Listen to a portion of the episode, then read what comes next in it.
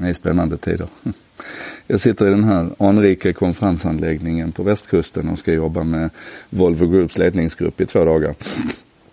Volvo Group är ju de som tillverkar de, det är, det är stora gamla Volvo kan man säga, riktiga Volvo säger en del. Det är de som tillverkar de tunga lastbilarna, båtmotorerna, har finansieringstjänster och så vidare. Det är ett jättestort företag. Eh, men det händer ju saker med lillebror också, eller kineserna som en del kallar dem, alltså Volvo Cars. Som jag också haft förmånen att jobba en hel del med. Och eh, nu kom nyheten igår att de har tecknat ett avtal med Uber som handlar om att de kan leverera upp till 24 000 bilar mellan 2019 och 2021.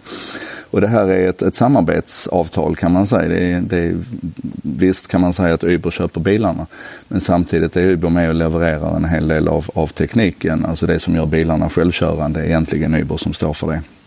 Och man är inte helt färdig med hur det ska se ut och sådär. Men poängen där i den affären det är väl att Volvo har gjort ett fantastiskt arbete med att bygga den här plattformen som är grunden för XC90.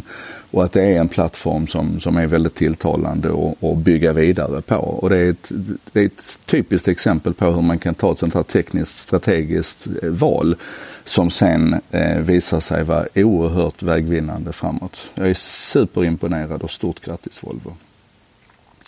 Men det här ger ju också upphov till tankar då i, i fråga om Uber. För att vi har ju varit inne på det här med, vi har pratat Uber här tidigare och Uber är ju eh, gig-ekonomins eh, urfader lite grann. Att alla som har en bil kan sätta sig i den bilen och så kan man köra ett par timmar och, och tjäna en slant på det. Och man kan göra business av det också. Det finns många Uber-förare som är överlyckliga över det.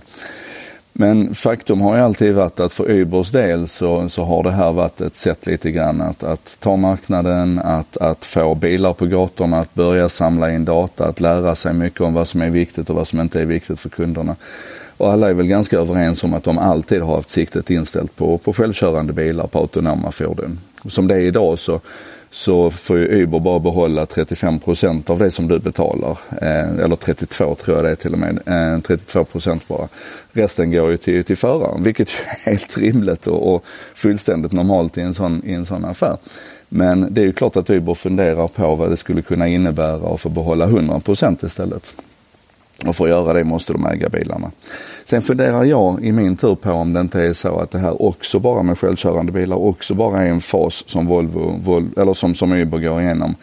Där det i själva verket är så här att de ska tillbaka till den gamla modellen egentligen med att det är andras bilar som kör i deras flotta. Men att det då ska vara självkörande bilar. Så att om jag har en, en självkörande bil så den tiden som jag inte själv sitter i den bilen kan jag leja ut den till, till Uber och att de då får en avsevärt större cut än 32 procent. Ehm, och att det skulle så att säga vara, vara det som ligger i tangentens riktning.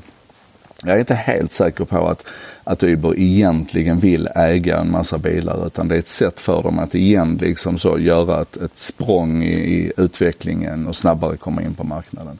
Jag tror ni är med på hur jag resonerar där och där kan vi börja fundera på om jag hade haft en bil själv, hade jag varit intresserad av att, att låta Uber använda den när jag inte själv använde den. Jag tror att det är en, en rätt så spännande modell. Um, ett, ett, ett syskonföretag till, eh, till Volvo eh, som har fullt fokus på självkörande bilar eh, kommer ju redan från början med den möjligheten att dela bilen med i första hand vänner och släktingar och sådär. Men i förlängningen naturligtvis att det redan när du köper bilen finns ett ekosystem runt den som gör att bilen kan rulla åt dig och tjäna pengar åt dig när du inte själv sitter i den. Men det som är intressant att fundera på här och som jag tycker att vi behöver vända en tanke i, det är vad är det mer som, som Uber levererar till dig än att bara ta dig till rätt plats? Och, och vad är det för krav och förväntningar du har? Vad skulle till exempel hända om en, en självkörande bil kommer rullande upp till dig och, och den är skitig. Den som har suttit i den innan har suttit och slabbat med en hamburgare och där är, där är pommes frites i sätet och sådär. Är det verkligen så här att förarens enda uppgift är att hålla i ratten? Eller är det så att föraren också har till uppgift att eh, vara en mänsklig röst i bilen, att föraren har till uppgift att se till att bilen är ren, att kanske hjälpa dig om du inte vet exakt var du ska någonstans och så vidare. Eh, och för alla de här tjänsterna där vi automatiserar så tror jag det är värt för oss att börja fundera på, finns det fortfarande kvar en komponent i det här som, som på något sätt vinner på eller rent av behöver vara mänsklig? Så gick mina tankar idag. Nu är det upp till dig.